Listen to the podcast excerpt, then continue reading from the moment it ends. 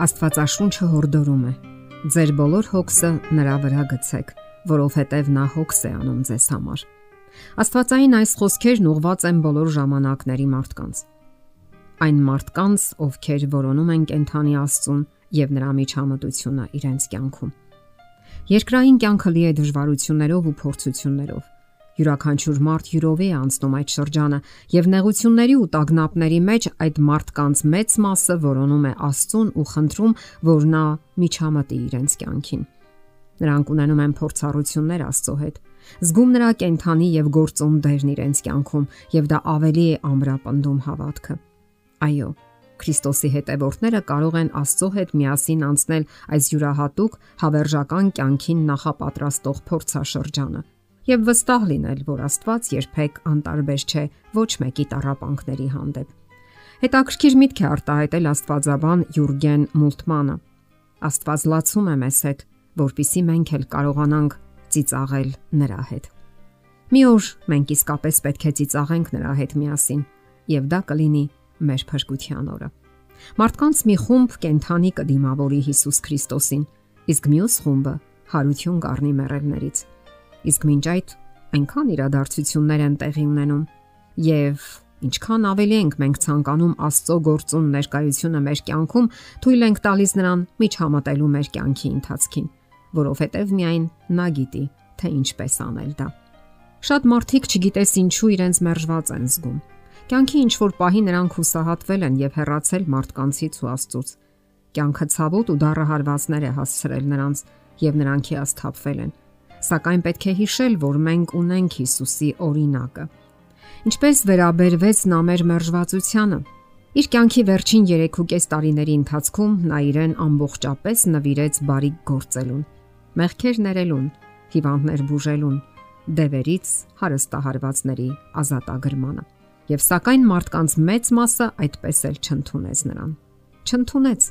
չնայած իրեն տրված հիանալի հնարավորություններին երբ Քրիստոսը մահանում էր խաչի վրա, ընտրության հնարավորություն տրվեց ժողովրդին։ Ում ողորմել։ Նազովրեցի Հիսուսին, թե հանցագործ Բարաբային։ Որքան էլ տարօրինակ կամ անհեթեթ լինի, սակայն ժողովուրդը այսպիսի ընտրություն կատարեց. Սպանիր Հիսուսին, խաչը հանիր նրան։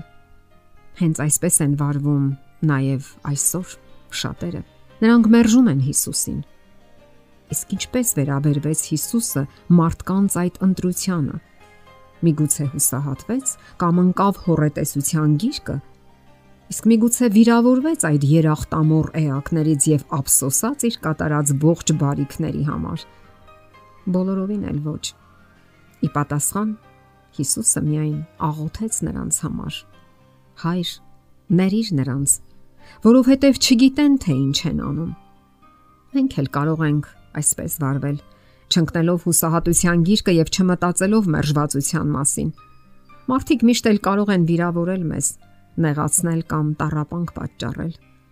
Երկրային պատմությունը հենց խռովությունների ու պատերազմների մասին է, թշնամությունների ու բաժանությունների։ Սակայն պետք չէ հուսահատվել։ Պետք է որոնել կենթանի Աստծո ներկայությունը մեր կյանքում, եւ նա ճշմարտապես կգործի։ Իսկ մեզանից պահանջվում է ներել այդ մարդկանց։ Ներել չնայած վիրավորվածությանն ու ներքին խնդիրներին, լարվածությանն ու հակասական տրամադրվածությանը։ Ներել, որովհետև մենք էլ նրանցից մեկն ենք եւ կարիք ունենք, որ ինքներս ներվենք։ Հեշտ չէ ներելը։ Ներել, երբ վիրավորված ես ու հիասթափված։ Սակայն ներումը հենց այդպիսի դեպքերի համար է։ Այս անելով մենք չենք մերժում մեզ Իսկ երբ որոշենք այդպես վարվել, Աստված մեր կողքին կլինի։ Եթե մենք թույլ տանք, նա ģերբնական շնորհ կտա մեզ։ Եվ ներումը կդառնա ոչ թե պարտականություն, այլ գիտակցական ընտրություն եւ հաղթանակի ուրախություն։ Եվ դա շնորհիվ կենթանի Աստծո հստակ միջամտության, որովհետև նա երբեք չի մերժում իրեն դիմողներին։ Չէ որ այդպիսին է նրա էությունը։ Սիրող եւ ժամանակին օգնության հասնող։ Եթե միայն մենք դիմում ենք նրան։ Շատ հարցեր կարող են ցակել այս մտորումների արդյունքում։ Օրինակ, ինչպես ներեմ այն մարդուն, ով արդեն մահացած է։ Սակայն կարևոր չէ մահացած է թե ոչ, պետք է ներել։ Սա մեզ համար է, մեր ճիշտ վիճակի համար, որ խաղաղություն ունենանք, այլ ոչ թե լինենք լարված ու գրգռված, վիրավորված ու նեղացած մարդկանցից ու աշխարից։ Եվ վերջապես այդ ներքին լարվածությունը պարզապես խաթարում է մեր կյանքի բնականոն գործունեությունը։ Նշանավոր քարոզիչ Դերեկ Պրինսն այսպիսի օրինակ է պատմում. Ես մի հրաշալի քրիստոնյայի գիտեմ, որ լսել էր ներելու падգամը։ Նա գիտակցեց, որ տարիներով իր մեջ վիրավորվածության եւ վրթովմունքի բարկության զգացողություն է կրել իր հոր հանդեպ, ով արդեն մահացել էր Եվ ահա նա իր կնոջ հետ միասին մի քանի 100 մղոն գնաց, որ այցելի հոր գերեզմանին։ Կնոջը թողնելով մեքենայի մեջ, նա մենակ գնաց շիրմաքարի մոտ։ Ծնկի գալով Քրիստոնյան մոտ 2 ժամվա ընթացքում ազատագրվեց այդ թունավոր զգացողությունից։ Նա ոտքի չկանգնեց այնքան ժամանակ, ինչև չգիտակցեց, որ ներել է հորը։ Նա հեռացավ գերեզմանից ամբողջովին վերափոխված։ Այսօր նրա կինը վկայում է, որ ինքը միանգամայն այլ ամուսին ունի։ Թեև հայրը մահացած էր, սակայն վիրավորանքի զգացողությունը դեռ երկար մնացել էր երիտասարդի հոգում։ Անկասկած է, որ ննջեցյալները ոչինչ չգիտեն եւ ոչինչ չեն գիտակցում։ Սակայն ներումն անհրաժեշտ է ապրողներին, ճիշտ մտածողության եւ կենթանի մարդկանց հանդեպ դրական վերաբերմունքի համար։ Որոնենք Աստծուն։ Որոնենք կենթանի Աստծուն։ Թույլ տանք, որ նա գործի մեր կյանքում, առաջնորդի եւ տանի հավերժական փրկության, որովհետեւ միայն նա կարող է դա անել։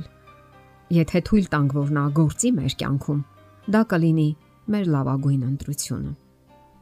Եթերում է ղողանջ հավերժության հաղորդաշարը։ Ձեզ հետ է Գեղեցիկ Մարտիրոսյանը։ Հարցերի եւ առաջարկությունների համար զանգահարել 033 87 87 87 հեռախոսահամարով։